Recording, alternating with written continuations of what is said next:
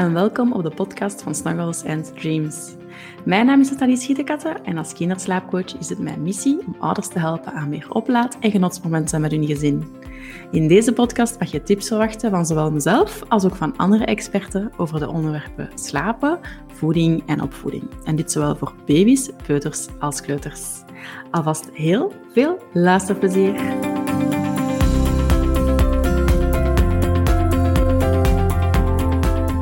Hallo, hallo en welkom tot alweer een nieuwe aflevering van de Snuggles and Dreams podcast.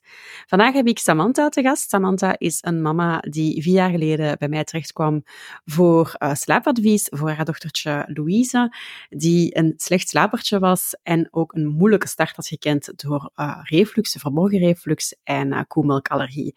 Ze hebben samen wel wat watertjes doorzwommen. Het was toen ook volop COVID-tijdperk, dus mama heeft heel wat watertjes moeten doorzwemmen om te kunnen kunnen achterhalen wat er juist uh, scheelde met haar dochtertje, waarom dat ze zoveel huilde en um, wat ze uiteindelijk allemaal heeft gedaan om haar dochtertje te helpen om um, ja, minder last te hebben natuurlijk van die uh, van die, ja, van die reflux en van die koemelkallergie. En wat ze gedaan heeft om uiteindelijk haar dochtertje um, toch gezonde slaapgewoontes aan te leren. Ik vond het heel fijn om met Samantha een kleine trip down memory lane te doen. Haar dochtertje is ondertussen vier jaar. Dus um, echt wel heel fijn. En uh, Samantha heeft echt wel een uh, goed geheugen, want ze kon echt wel bepaalde details echt wel levendig naar voren brengen. En ik hoop uh, van harte dat je het een even fijne aflevering zult vinden uh, als ik. Heel veel luisterplezier.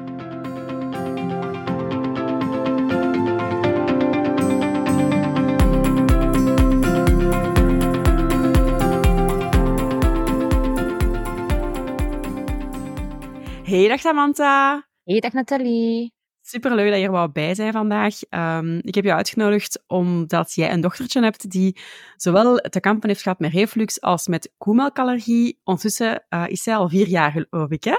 Ja, dat klopt. Van eind december is ze vier jaar. Ja, dus we gaan een beetje een trip down memory lane doen vandaag. Um, want ik ben ervan overtuigd dat jij als um, ja, mama daar heel veel eigen ervaring uh, mee hebt dat je kan delen en ook wil delen graag met andere mama's. En dat vind ik ja, heel, heel fijn.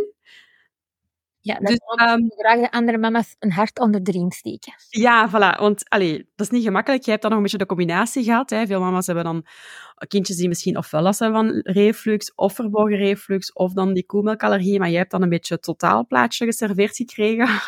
Ja, midden in corona. Dus het was wel een boterham vol. En um, ja, vertel eens, hoe snel wist je van er klopt hier iets niet met ons Louise? Um, ja, dat je gewoon wist van, kijk, dit is, dit is meer dan gewoon huilgedrag.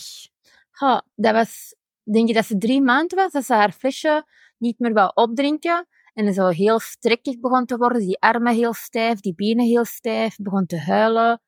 Ja, met het dan ook maart 2020 was, was het ook heel moeilijk om te zeggen van, we gaan buiten, want toen was het ook allemaal, het is een virus, de corona, de COVID-19. En dan toch naar het ziekenhuis te gaan, na een tweetal, tweetal dagen, denk ik, dat ze dat had gehad, van dit klopt echt niet. En dan stond ik met mijn man en Louise aan het ziekenhuis. Nee, er mag maar één ouder binnen. Het is COVID, heel streng. En dan sta je daar met een babytje van drie maanden. Het is helemaal binnenste buiten gekeerd. Een echo laten nemen. Naar de kinders laten gaan. En dan van ja, we vinden het toch vreemd dat ze zo helpt. En dan kan verborgen reflux eruit. Oké. Okay. Ja. En um, had je daar al van gehoord, van die, allee, van, van die term verborgen reflux? Of had jij zoiets van, wat is dat? Ja, ik weet veel mama's die zeiden tegen mij, ja, voorzie tetradoeken, hè, voor op de schouder, voor als ze melk teruggaven. Maar ik had er echt superveel. Maar Louise gaf nooit niet terug, maar die zette dat wel elke keer in. Dus op de puur was dat slokdarmpje echt al een soort verbrand eigenlijk, van elke keer die zure melk terug in te slikken. Ja, dan krijg je inderdaad de term verborgen reflux, omdat ze dan inderdaad niet laten zien dat ze melk willen teruggeven.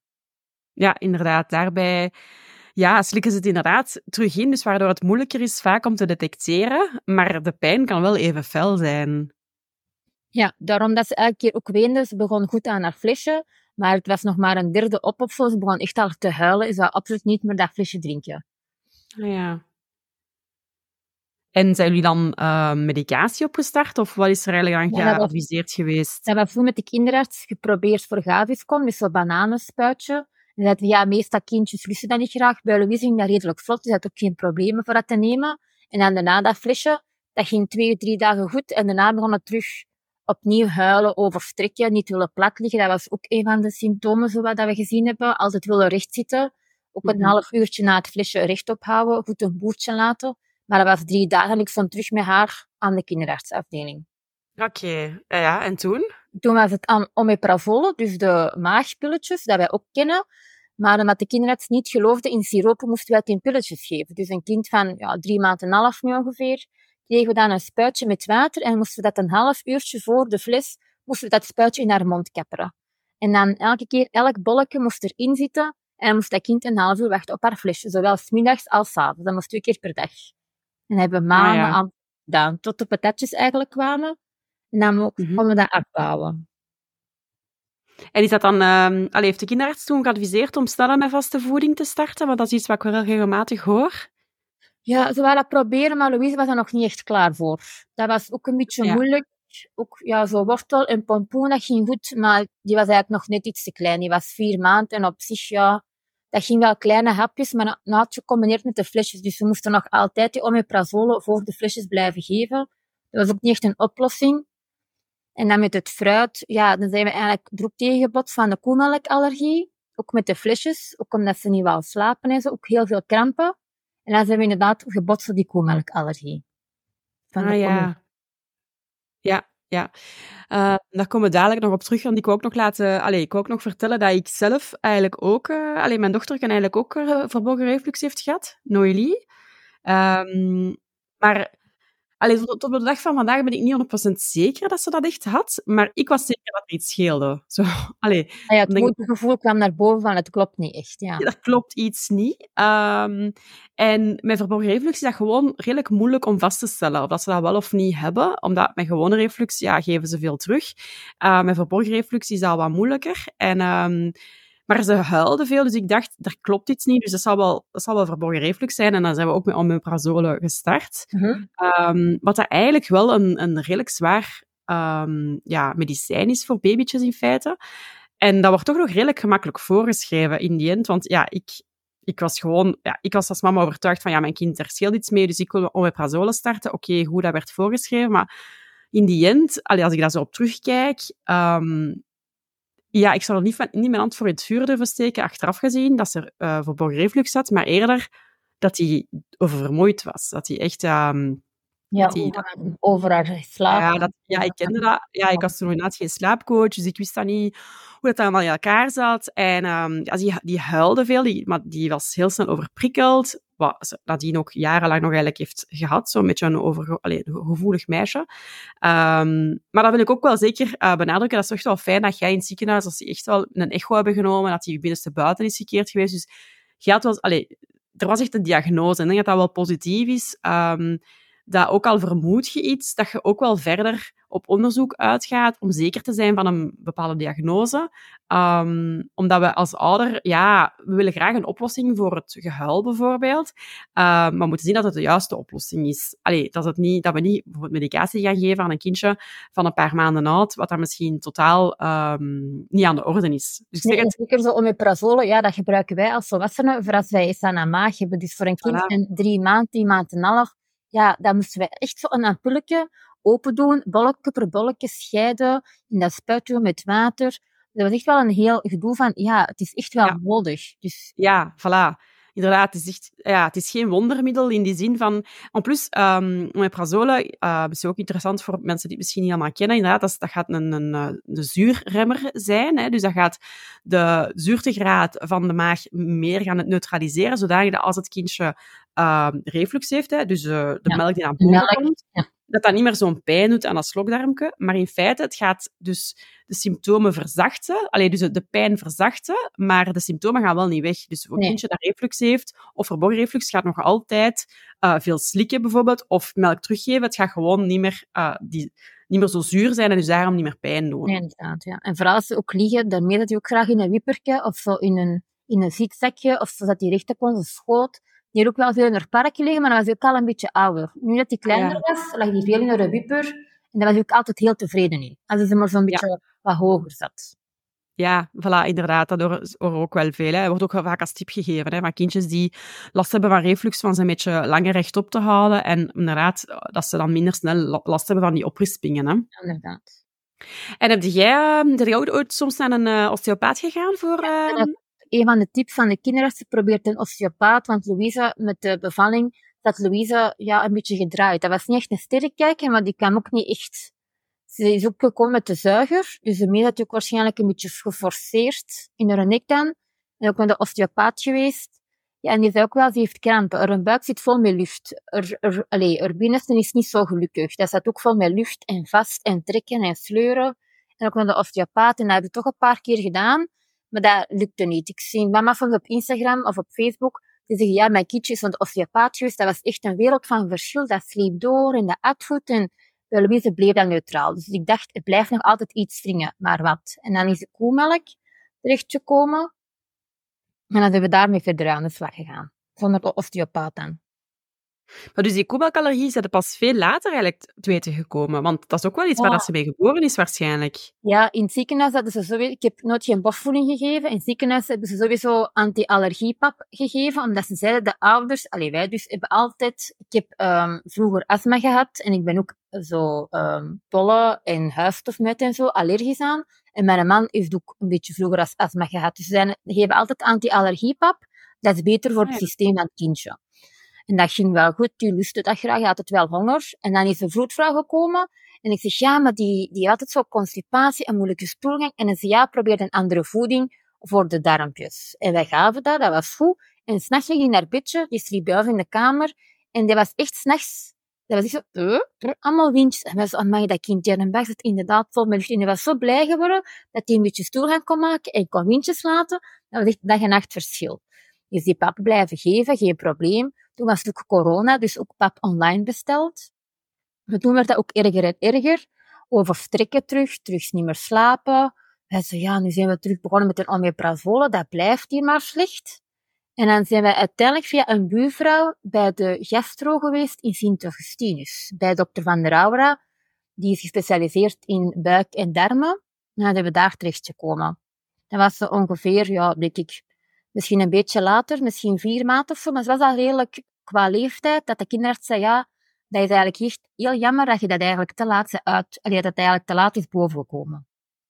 Ja, maar waarschijnlijk ja, doordat je eigenlijk onmiddellijk al een anti-allergievoeding en zo gaf, heeft dat allemaal wel wat langer geduurd. Als je misschien meteen de gewone pap tussen aanhalingstekens had gegeven, had dat kindje misschien wel veel rapper daarvan afgezien. Ja, of ik had misschien iets anders of bosvoeding gegeven, ik weet het niet. Ja. We weten eigenlijk nooit meer, maar dat lichaam eigenlijk pas op drie, vier maanden terecht is gekomen. Dat was eigenlijk ineens de uitslag van verborgen reflux. En dan iets aantal tijd later, misschien een twee, drie weken later, ja, het is koemelk. En als zo bleef reageren op die voeding, Mm -hmm. heel veel. Het was echt net geen huilbaby. Die plakte aan mij, die wou enkel maar buik tegen buik.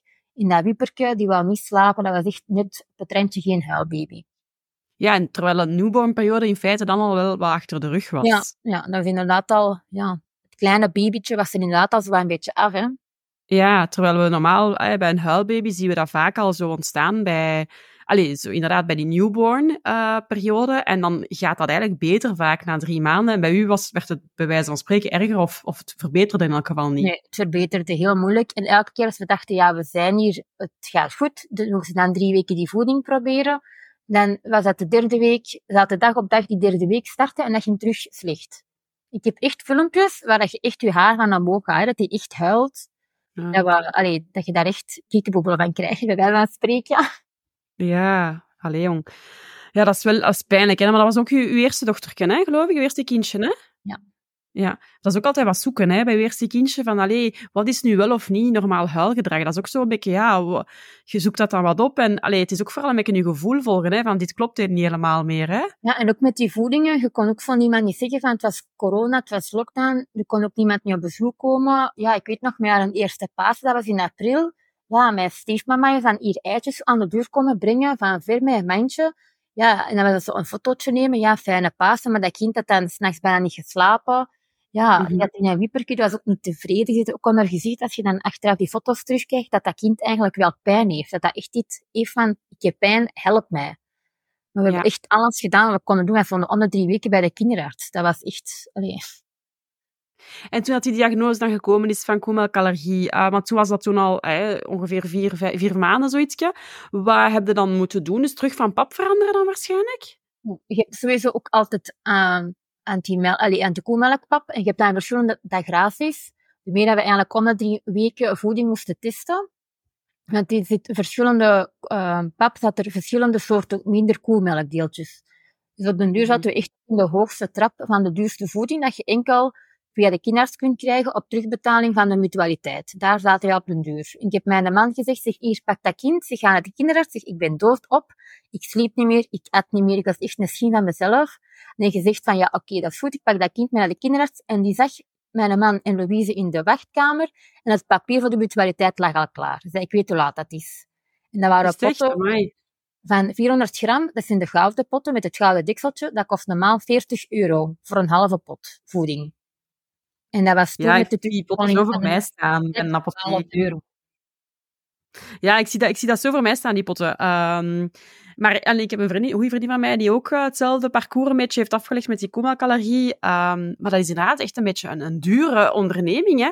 Zeker bij die kleintjes, die drinken niet altijd hun fles op. Maar dan ziet je dan letterlijk die euro's daar zo, dat die daar zo blijven staan, bij wijze van spreken. Ja, dat is echt elke keer afmeten. Ah ja, aan een flesje. Ah ja, bijvoorbeeld, ik zeg zo min, dat is super lang geleden. Ah ja, 180. Ah ja, nee, ja vanmorgen is een beetje laten staan, dan mag ik nu 150. Ah ja, 150, dat ging goed binnen. Wil je nog een beetje? Allee, nog een beetje 30. Ja. Ja, dat was echt soms drie flesjes na elkaar, met elke keer zo'n klein beetje, dat je denkt van, ja, beter opdrinken dan het laten staan, want ze moet het echt wel... Ja, ja voilà, terwijl zo bij gewone poedermelk, zou ik maar zeggen, ja, oké, als je 30, 40 milliliter moet wegkappen, ça va, het is niet het einde van de wereld, maar zo, ja, dat super dure poeier is. En plus ook wel heel... Allee, op een gegeven moment was dat ook redelijk moeilijk te verkrijgen, hè? Heb je ook die periode meegemaakt? Ja, de online website kopen en dan hopen dat het, dat het de goede pap was, want soms veranderen die labels of van merk. En dan mm. was ik van ja, dus hetzelfde die bij de apotheek van al twee, drie weken op voorhand, dat wij echt genoeg potjes hadden op de voeding zelf. Mm en dan is ze dan hè, stilletjes aan met vaste voeding gestart, dus daar moest je ook waarschijnlijk met heel wat zaken rekening houden. Ja, ik maakte alles zelf. Dus bijvoorbeeld, ja, papjes, fruitpap, want dat mocht ze niet graag, verse fruitpap. Ook omdat waarschijnlijk zat er geen koekje in. Dat was wel, allee, ik maakte wel zo banaantjes en met appelsiet maakte wel voete fruitpap. En de kinderarts van, neem fruitpapjes uit een potje, maar zonder de koekjes. Want er zit overal, overal waar je kijkt, zit de koek, koemelk, eiwit of eiwitmelk zit erin. Dus dat was overal wat die ging. Nee, geen koekjes. Geen pakjes met koekjes. Geen betterfood koekjes alles waar je kijkt, zit melk in, ook voor patatjespuree te maken. Hè. Allee, bijvoorbeeld smeer, allee, bakboter mm. of een beetje roerboter voor vlees te bakken. Ja, dat zijn allemaal al pro soja geworden. Dus ja, dat was wel een onderneming. Ja, moet je daar helemaal in aan te passen, hè? want dat is wel... Allee, en jij als mama, allee, hè, jij en je man, jij wist dan wel van, oké, we moeten dat zo en zo en zo aanpakken, maar dan ja, je kind is niet 100% van de tijd altijd bij u. Nee, want die is pas als ze een jaar was naar de crash kunnen gaan. Ah, oké. Maar dat was dat dan daardoor, of niet? Ah ja, dat was misschien ook wat COVID was ook. Nee, dat was eigenlijk in november 2019, een maand voor mijn bevalling, hebben ze van de crash gebeld. Die hadden vroeger twee panden en die zijn verhuisd naar één pand. En die hadden te veel kinderen opgenomen. Dus die hadden te veel kinderen voor in dat nieuwe pand te steken. Dus wij waren dan een van de laatste die erbij was gekomen. En die kon pas starten in januari 2021. Ah, oké. Dus jij wist van, oei, ja. mijn kindje moet hier uh, plots uh, veel langer thuis blijven of we moesten een andere oplossing vinden. Ja, dan heb ik zes maanden loopbaan, allee, tijdkrediet opgenomen. Dus ja, dan was dat wel ineens verschil. Op zich was dat ook niet slecht, want ik stond toen in de verkoop. Dus mm -hmm. in de winkel, die waren ook heel veel toe met de covid, ook slechte cijfers. Allee, dat was ook niet echt een topmoment.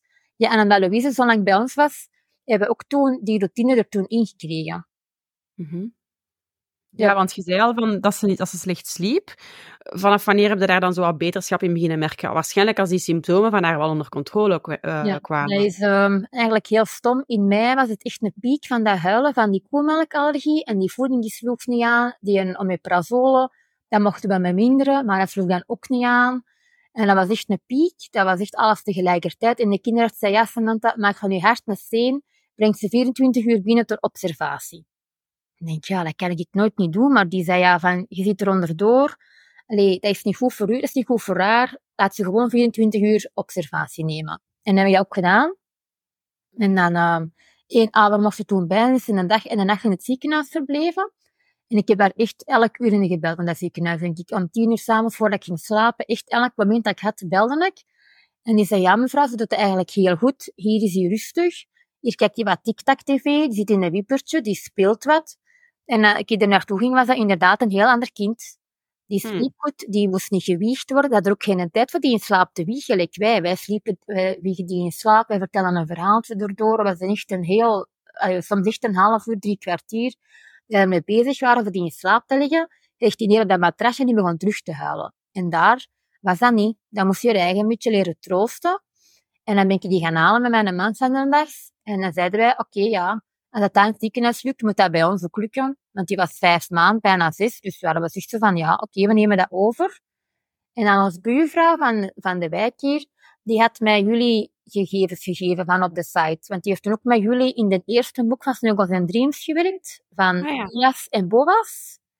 Ah ja? Eline, ja, die woont bij ons in de wijk. Dus die heeft mij gezegd van, ga dan die link, koop daar een gids. Zij heeft ons supergoed geholpen. Er zijn ook wakkertijden in en zo. En dan heb ik mij ingelezen. En dan uh, ook met die combinaties dan van het ziekenhuis, bijvoorbeeld een beetje TikTok laten kijken. En dan een beetje klassieke muziek voor als ze ging slapen. Inbakenen met een doek. Dat ging ook allemaal vanzelf. En dan heeft dat twee, drie nachten geduurd dat hij je eigen terug kon troosten. En dan was dat terug begonnen. Dat sliep goed. Die wakkertijden waren goed. Die dutjes waren goed. Die at goed. Die, die was speels. Die was actief. Die was blij. Je hebt precies een resetknop gevonden in dat ziekenhuis. Dat is echt Ja. Maar dat gaat waarschijnlijk u, inderdaad, zoals je zelf zegt, hè, beetje dat vertrouwen van, oké, ze kan het. Dus en waarschijnlijk, ja, doordat jij om een duur al wat angstig werd waarschijnlijk, hè, heel oververmoeid en, en dat is wat te veel werd, ja, je, je straalde dat hoogstwaarschijnlijk ook gewoon uit naar Louise, hè. En ja, dat kindje waarschijnlijk in slaap wiegen en, en elke keer als je haar weglegde, dan werd ze gewoon zo terug wakker. En dat dat u waarschijnlijk redelijk wat stress gaf, hè. Ja, uiteindelijk, als je daar nu over nadenkt, ja, dat is wel. Mathieu zet een boek te lezen. Ik was aan het wiegen, ja, dat lukte niet. Heb ik in een boek lezen, hij wiegen. Ja, en op den duur denk je van, ja, wat moeten wij nog doen met dat kind? Ja, dat is inderdaad een beetje een stressfactor. Ja, en een hele goede tip geweest dan, van, van, die, van die arts, om, om even wat afstand te creëren tussen u en Louise. Ja, dat is uh, zodanig dat je, je hebt eigenlijk toen op één nacht in feite een beetje meer de zaken objectiever gaan bekijken waarschijnlijk zo. Je hebt dat van, van afstand kunnen zien, van oké, okay, Louise kan, kan eigenlijk meer dan ik denk. Um, en ze was inderdaad ook op een goede leeftijd gekomen ervoor. Je wist wat er... Mm -hmm. wat er, allez, er werd aan gewerkt aan die reflux, er werd aan gewerkt aan die koemelkallergie, dus je werd waarschijnlijk van oké, okay, dat gaat je vertrouwen van oké, okay, we kunnen nu wel echt werken aan dat slapen. Ja, dat was het laatste sprintje dat we nodig hadden toen in het ziekenhuis. Hè. En dan was het ook van, ja, en dan met ons buurvrouw, die zei ook van, ja, wij zijn ook heel moeilijke slapers, probeer dat. Dan zegt ze van, ja, twee, drie nachten doorbijt. En dan zegt ze van, ja, gewoon even laten huilen, want we zijn dus ook zo, als je in de kamer zat, we hebben dat ook geprobeerd, dat gaat niet. Die was ook altijd constant afgeleid, dat is nog altijd nu. Dus dan timden wij dat, gelijk in een boek, twee minuten, drie minuten, gaan kijken, sussen, niet oppakken, niks tegen zeggen, gewoon even zeggen, toetje geven. En dan was dat twee, drie keer, en dan was dat genoeg. En ik kende dat ook. Nu is hij vier jaar. En die slaapt nog het meeste van de tijd klokje rond. Van zeven tot zeven of van zeven tot acht. Ja, dat zie ik wel vaker. Dat kindjes die een moeilijke start hebben gehad, die hebben wel vaak veel geweend uh, hun eerste maanden. Maar dan op een gegeven moment ja, raakt dat wel een beetje onder controle door de juiste medicatie of juiste voeding. En dan ja, is het inderdaad zo'n beetje dat, dat, dat, dat punt waarop ouders belanden van oké, hoe gaan we nu verder? Want voordat je het weet, gaat je maandenlang in datzelfde patroon blijven hangen. Of je gaat daaruit, eigenlijk wat dat jij gedaan hebt.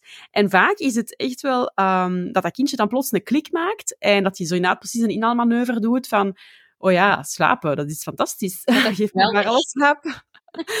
dat is wel fijn, ja. Want ja, we zien dat ook wel soms ja, ouders die ons contacteren als hun kindje al één jaar is of ouder. Van ja, kijk, en die al een jaar, een jaar eigenlijk al in dat patroon zitten, van dat ze er gewoon niet uit geraken.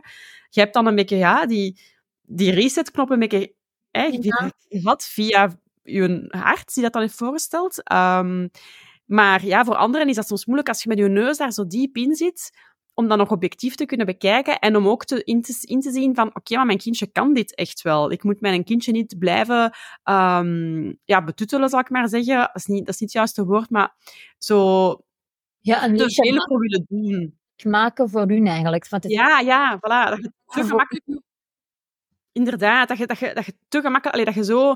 Hè, omdat, ze, een moeilijke start hebben gehad en ze hebben veel pijn gehad en ze hebben veel geweend. Dus dat is eigenlijk een natuurlijke reactie van, van de ouders om het hun kindje inderdaad zo gemakkelijk mogelijk te willen maken, om vooral hè, ervoor te zorgen dat dat kindje geen pijn meer heeft. Maar ja, een gebroken nacht is zwaar voor de ouders, maar dat is eigenlijk ook wel na een tijdje zwaar voor een kindje. Hè? En dat wordt soms precies wat vergeten van... Um, ja, een goede nachtrust is voor iedereen eigenlijk gunstig. Ja, want nu merken wij dat soms ook, gelijk vorige week dat ik dan ziek was, ja, dan is Louise ook een zombie. En dan kun je er ook niks mee aanvangen. Dan zegt ze van, oh, waarom slaapt je dan niet flink? En dan de dag daarna, de nacht zie ik dan beter. En het is ook terug van half zeven tot kwart na acht geslapen. En denk ik, wauw. En dan zegt zo, ja, ja ik echt nodig, maar ik ben echt goed gezien. Dat ik zo, ja, dat is wel. En dan werkt het nog altijd.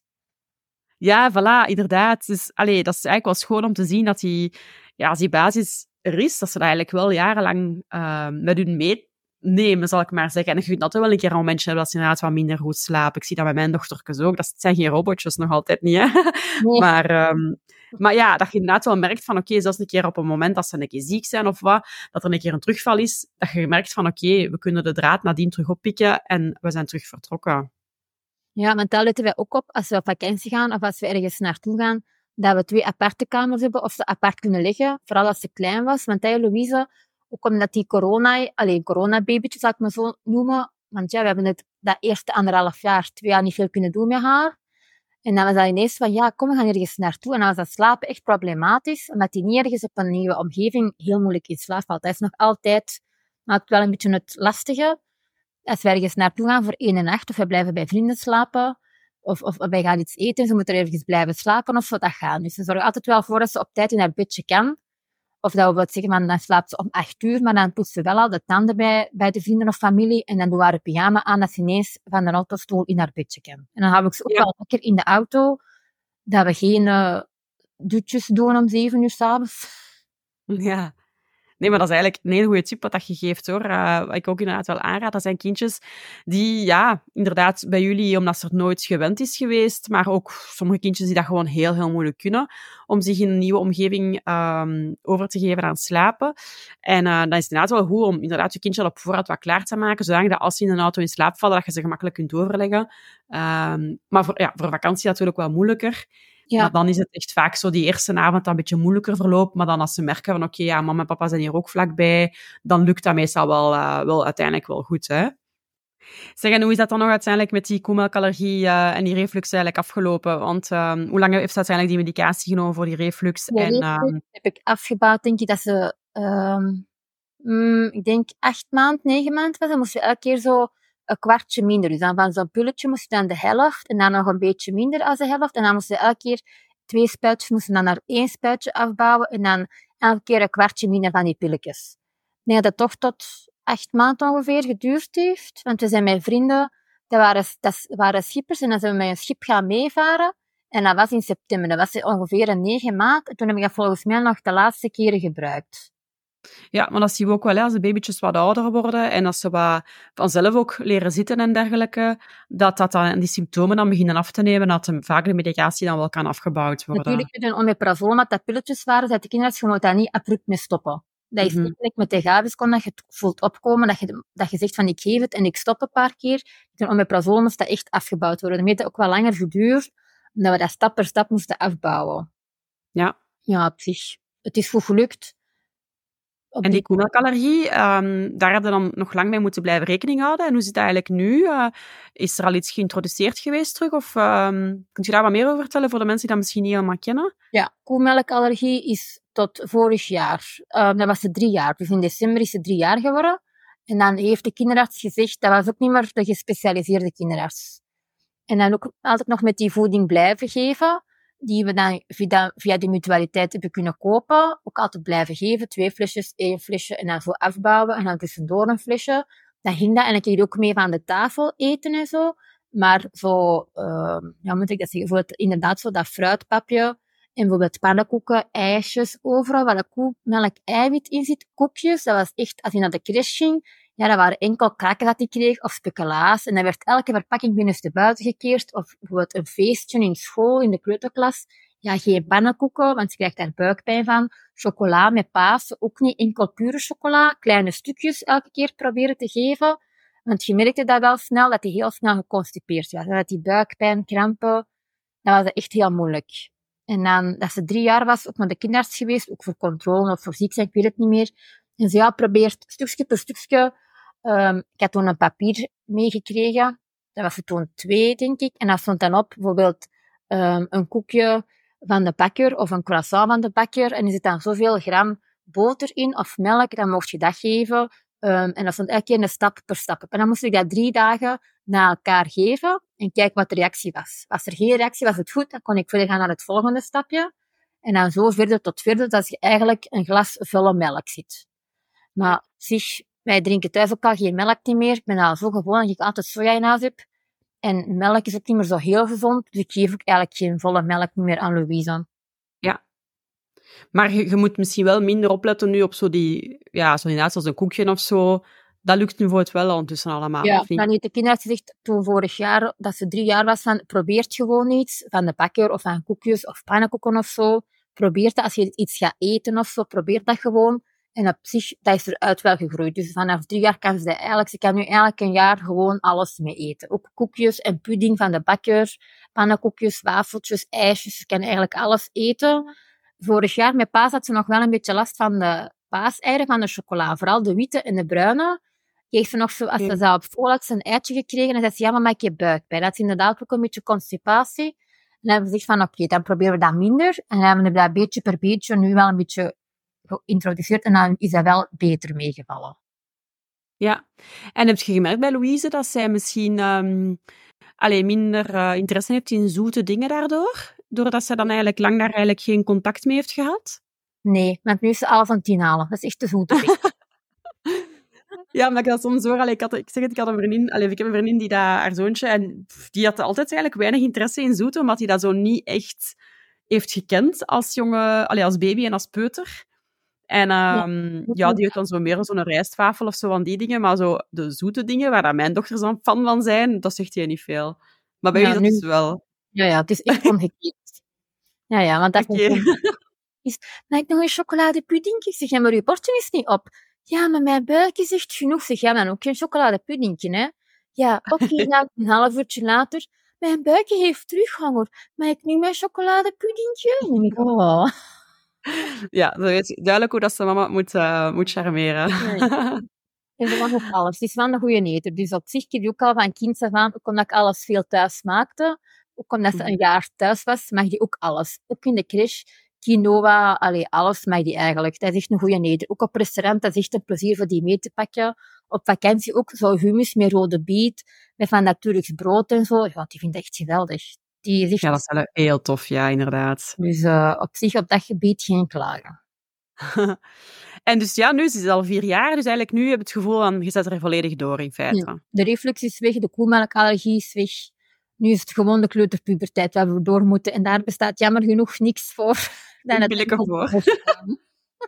Nee, inderdaad. En um, ja, hoe, hoe kijk je daar nu nog op terug als je zo hè, naar je eigen kijkt als mama toen? Zo'n beetje van op afstand van welke tips zou je nog willen geven aan jezelf? Um, en dus een andere mama die misschien in dezelfde situatie zit, die misschien vol met vragen zit, die niet weet ja, hoe of wat. Um, ja, wat zou je daar tegen zeggen? Geef niet op, zou ik zeggen. En graaf echt tot het einde door. Ze kunnen specialist in het ziekenhuis. Gaat daar verder mee naar de kinderarts. En ja, ik ben ook nog kind en gezin geweest voor dan de vaccins en de spuiten. Die zeiden, ja, mevrouw, uw kind dit en uw kind dat en uw kind weet en uw kind dat. Ik zeg, ja, maar dat is koelmelkallergie elke keer opnieuw moeten uitleggen. En ik voelde me echt gefaald als mama. Want je wordt zenuwachtig, je elke keer dat verhaal opnieuw moet doen. En ze geloven je precies niet. Want dat kind zegt precies niks op die consultatie. Ja, die was misschien een beetje magerder, omdat hij niet zo goed at. Of die viel misschien een beetje gemakkelijker af door die koelmelkallergie. Maar ja, dan achteraf is dat allemaal wel terug normaal. En onze kinderen zei ook van, ja, als je niet meer goed voelt, maar goed voelt bij kind en gezin, moet je dat ook niet meer doen. Komt gewoon naar hier. Wij kunnen die vaccins ook geven. En bij ons wordt ze ook gemeten en gewogen. Dat maakt niet uit. We hebben ook die groeicurve waar ze mm kan zitten. Dus ga gewoon naar de kinderarts die gespecialiseerd is in buik en darmen. Gastro, laat je goed begeleiden. En dan zijn kinderen die al twee jaar zijn, die eruit groeien. Sommige kindjes, zoals Louise, was dat drie jaar. dat kan je kwaad geleerd daarmee leven. Nu is dat ook, als ik patatespuree maak, ja, dan is dat met soja. Ja, dat is niet erg op zich. Dat is ook, dat is niet meer het ergste. Vroeger was het een schand dat je kinderen uh, vegan, allez, vegetarische dingen gaf of vegan. Nu is dat niet meer. Nu vind je alles ook in de winkel voor het een beetje draaglijk te maken voor kinderen die inderdaad koemelkallergie hebben. En dan ja, ook met, met jullie slaapgids, met de wakkertijden en de eettijden en de flesjes dat je kon doen en het afbouwen. Ja, dat was ook wel heel goed geholpen ook. Ja, zo die ritme en regelmaat. Uh, ja, je, je merkte dat al wel meteen aan Louise dat ze daar uh, deugd van had. Ja, dat wel. En ook, ook om ik regelmatig aan de crash een mail te sturen van ja, hè, binnenkort start ze in januari. Dan is ze een jaar oud. Hoe doen jullie dat? Of bijvoorbeeld dat ze negen maand was. Ik stuur elke maand zo'n mailtje naar de crash van hoe zit bij jullie de regelmaat? Om, jullie krijgen, om laat krijgen jullie de kindjes patatjes? Om laat doen jullie dutjes? Ook als je wat zegt van die was, die was twee jaar, ah, geen dutjes niet meer, van langer dan een uurtje. Wilt ze niet slapen? Oké, okay, ook goed, maar vertel het ons. Dan kunnen ze vroeger naar bedje steken. Dus dat was ook elke keer zo, spreek goed af met de onthaalmama of de crash van dat verwacht ik, of dat is nodig, dat je niet achteraf in de problemen geraakt. Ja, echt een goede communicatie, inderdaad superbelangrijk. En je goed voelen door de mensen die je ja, die je opvolgen in feite. Hè. En eigenlijk wel fijn, want ik heb wel het gevoel dat je uh, door je kinderarts wel echt wel serieus bent genomen geweest. Hè? Ja, dat was voor ons redding. En dat is allemaal ons buurvrouw ook. Niet alleen, maar de twee andere buurvrouwen. Die haar broer kent ook heel veel, die is ook gespecialiseerd in ziekenhuis. En die zei ook van, ga naar daar, naar Sint-Augustinus, naar dokter Anne van der Aura. En dat is ook van, ja, dat is het probleem. Ja, en ik belde soms echt dat je denkt van, ik zit echt in mijn handen in het haar. En dan zei ze ook van, ja, komt gewoon naar hier, we lossen het wel op en we vinden wel een oplossing. Nu zijn we er al lang niet meer naartoe geweest. Nu gaan we er gewoon naar de kinderarts, ook in Sint-Augustinus. Voor zo controle, zoals ze ziek zijn of zo, dat maakt nu niet uit. Maar ik vind dat wel belangrijk. Ja, ja, inderdaad. Ja, inderdaad. Allee, het is echt uh, een, het is sowieso een beetje een rollercoaster hè, als mama in het begin, om een beetje hè, je kindje ook te leren kennen. En dan, ja, als je dan merkt dat je kindje begint te huilen en zo, is het achterhalen van, oké, is er hier wel of niet een oorzaak? Dus allee, heel interessant om een beetje jullie parcours, om te horen hoe dat, dat dan eigenlijk allemaal gelopen is. En ja, ik ben allee, ook fijn om te horen dat... Uh, dat je, dat je een mooie ommekeer hebt gekend. Hè? Um, want je zei zelf van, ja, je maar een schim van jezelf op een gegeven moment dat je er toch ook ja. uit geraakt. Want dat is dan mijn ook wel... Allee... dat ik met Louise in haar uh, pukabib ligt te slapen, in mijn armen, met het, nek, het oefenkussentje voor op haar buik te liggen. Dat lag onder mijn nek. En dan lig ik zo te slapen en dan denk ik van ja, en dan vragen vrienden of familie, ja, komt er geen tweede? En dan denk ik heel dat parcours terug voor mij. En dan denk ik, oh nee, ik kan het echt niet meer aan, denk ik. Oké, nu is het hmm. lockdown niet meer, geen corona, maar ja, dat heeft zo'n impact op u, ook als relatie, als mens ook als kind, want Louise is echt een heel mama-baby. Hij hij was echt een babykindje, alleen een babytje, als nu nog, die is vier jaar, altijd een mama's kindje. Overal ik kom, is het mama. Mijn man mag weggaan, mm. maar dan vindt ze jammer, zegt ze, ja, ik ga papa missen. Dat is erg en hij is altijd blij als hij terugkomt.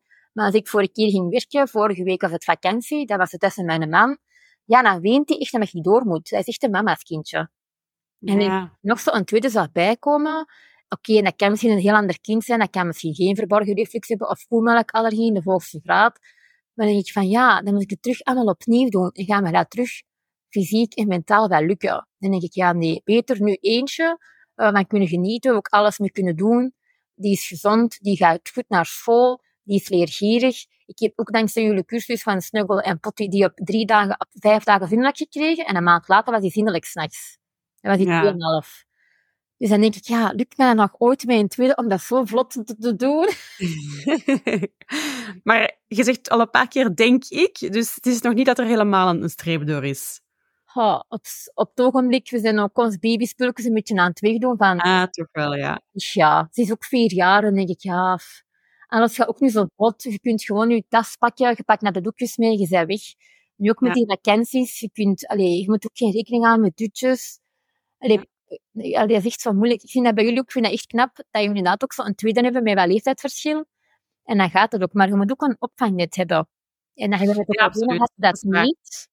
En nu is het nog altijd een beetje moeilijk, want we hebben wel grootouders en die zijn ook altijd klaar voor ons als dat nodig is.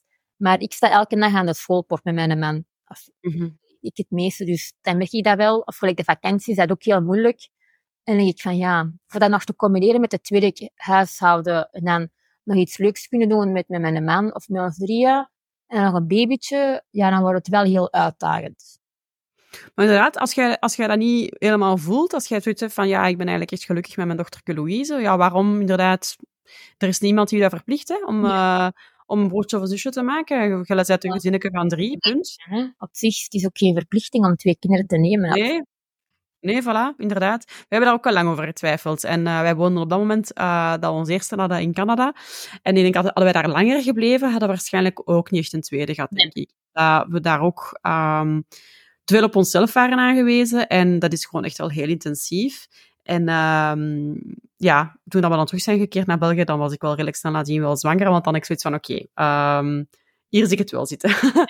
um, maar allee, heel fijn om, om te horen, om je, om je parcours te horen, Samantha.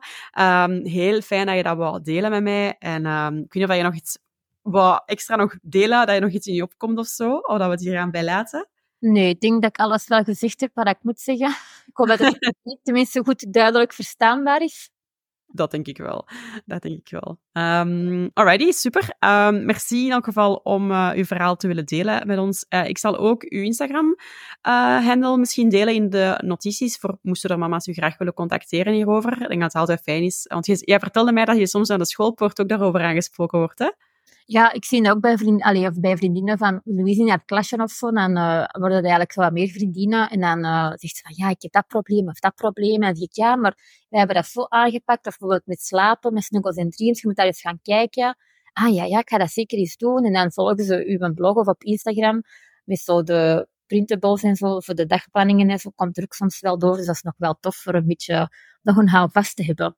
Ja, ja, en dat is een beetje een gemeenschappelijk gespreksonderwerp, hè? die opvoeding en dat slapen. Ja. of de potjestraining en zo. Ja, leuk om te horen, leuk om te horen. Oké, nee, super. Dan gaan we het hierbij laten, Samantha. Nog een, nogmaals een hele dikke merci. En um, voilà, tot misschien tot uh, een volgende keertje, hè? Dat is goed. Dankjewel, Nathalie, dat ik er nog bij zijn. Doei. Doei.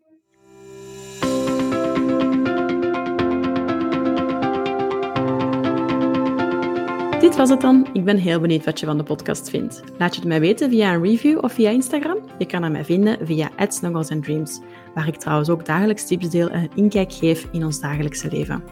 Bezoek zeker ook eens de website snugglesandDreams.com. Daar ga je heel wat gratis downloads vinden, als ook de diensten die we aanbieden. Wil je in de toekomst zeker niets missen van deze podcast? Vergeet je dan zeker niet te abonneren. Heel veel liefs en tot snel!